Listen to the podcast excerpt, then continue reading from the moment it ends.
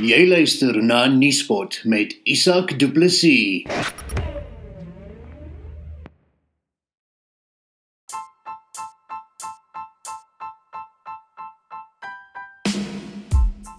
Plaas jou geld sake in die hande van Nandi Erasmus, 'n geregistreerde finansiële deskundige by Sanlam. Haar dienste sluit in omvattende finansiële beplanning, beleggingsbestuur, welvaartskepping, boedelbeplanning, sakeversekering en koopooreenkomste. Bel haar vandag nog vir deskundige finansiële advies by 082 569 1948 of stuur 'n e-pos na nandi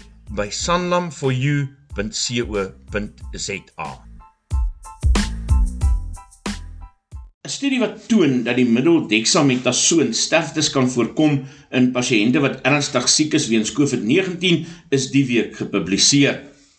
Nou volgens die resultate kan dexamethasoon die sterftes van COVID-19 pasiënte wat aan 'n ventilator gekoppel is met ongeveer 1/3 verminder en die sterftes van pasiënte wat aan suurstof gekoppel is met ongeveer 1/5 verminder. Nuuspot het aan die infeksiespesialis by Tygerberg Hospitaal, Dr. Jantjie Taljaard gevra of dit regtig 'n deurbraak is.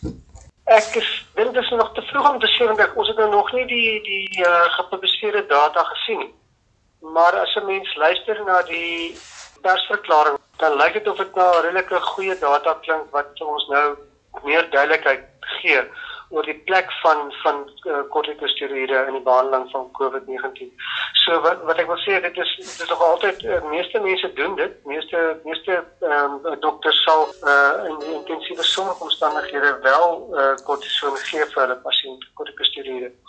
So dit word al lankal gesê dat daar is 'n teoretiese waarde daarvoor, maar die maar die data, die bewyse daarvoor was nog nie goed genoeg nie. So van Februarie af al het ons gesê, ehm um, kyk dit die, die, die middel is moontlik en dan sal 'n klein studie wat gewys het meer dit werk nie, dan sal weer 'n klein studie het gesê maar ehm um, dit miskien meer effekte en dan sal weer 'n studie het gesê dit werk 'n bietjie.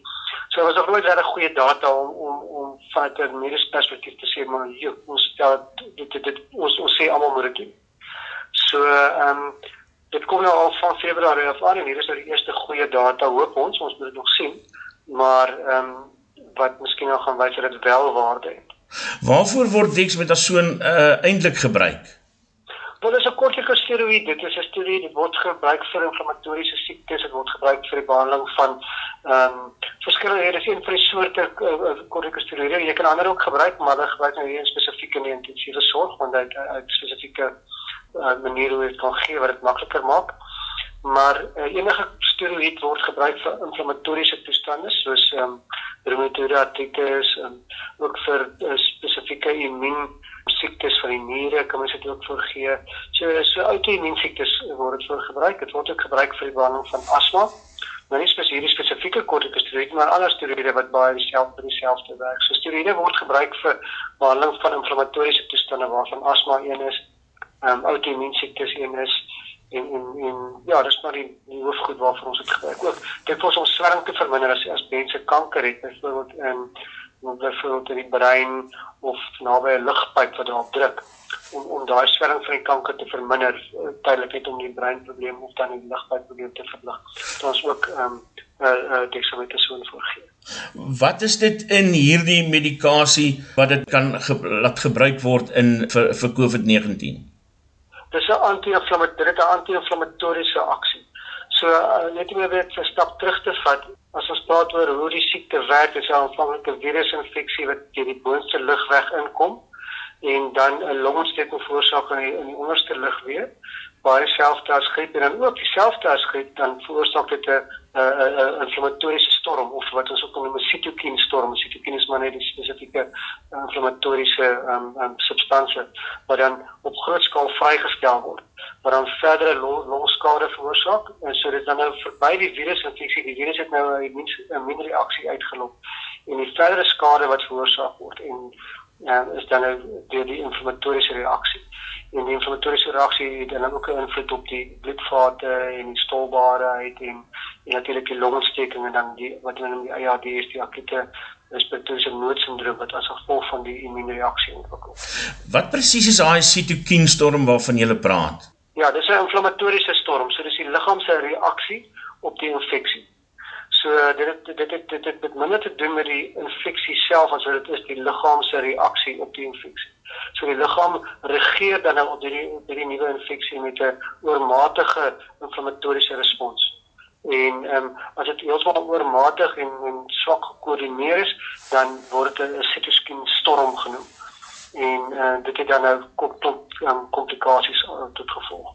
Op die oomblik lyk dit dat dit spesifiek baat vir die mense wat op ventilators is. Dis natuurlik iets wat ons spesifiek ons het iets wat vir mense vir daai mense kan help. En dat dit miskien kan help vir die ou wat net geringe siekte het, want vir hulle kan dit miskien meer, meer neeweffekte gee as wat voordele gee. So mens moet weer die ehm um, wat ek nou sê Afrikaans vir risk benefit, maar jy moet risk benefit ratio met die mens ehm um, bepaal en dan kan jy nou ehm um, besluit vir wie spesifiek gegee moet word. Maar ehm um, ek dink net met die die persverklaring wat hulle uitgebring het, lyk dit of dit die grootste waarde gaan hê in die baie siek pasiënte wat goeie nuus is natuurlik. As dit nou sou sou sou opstaan teen hierdie ehm um, oorlede. Ja, en jy, wat weet ons nou anders van COVID-19 as aan die begin? Ek dink ons ons weet dat dit dat dit min of meer is soos wat wat ons gedink het. Dit is dit soos ek nou vertel ek het hoe dit hoe dit werk en dat daar 'n inflammatoriese respons is.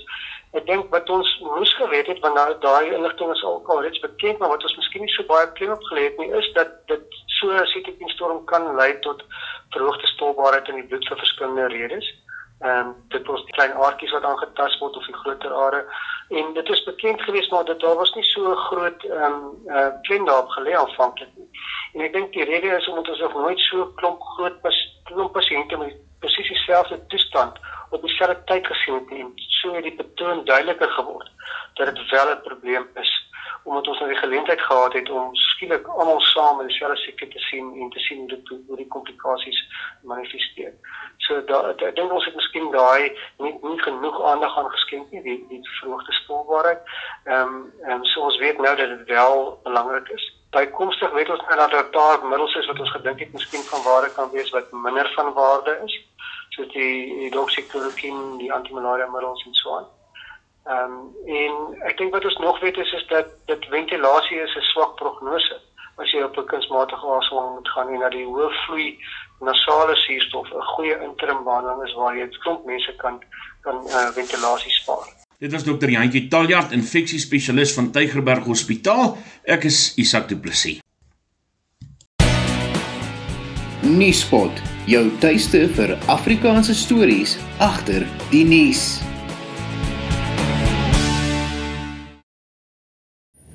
Verkeersboetes behels meer as 'n klein ongerief met minimale gevolge. Jy kan 'n kriminele rekord kry of probleme teekom as jy jou rybewys of motorlisensie hernie en die metropolisie kan jou by padblokkades lastigval om die boetes te betaal.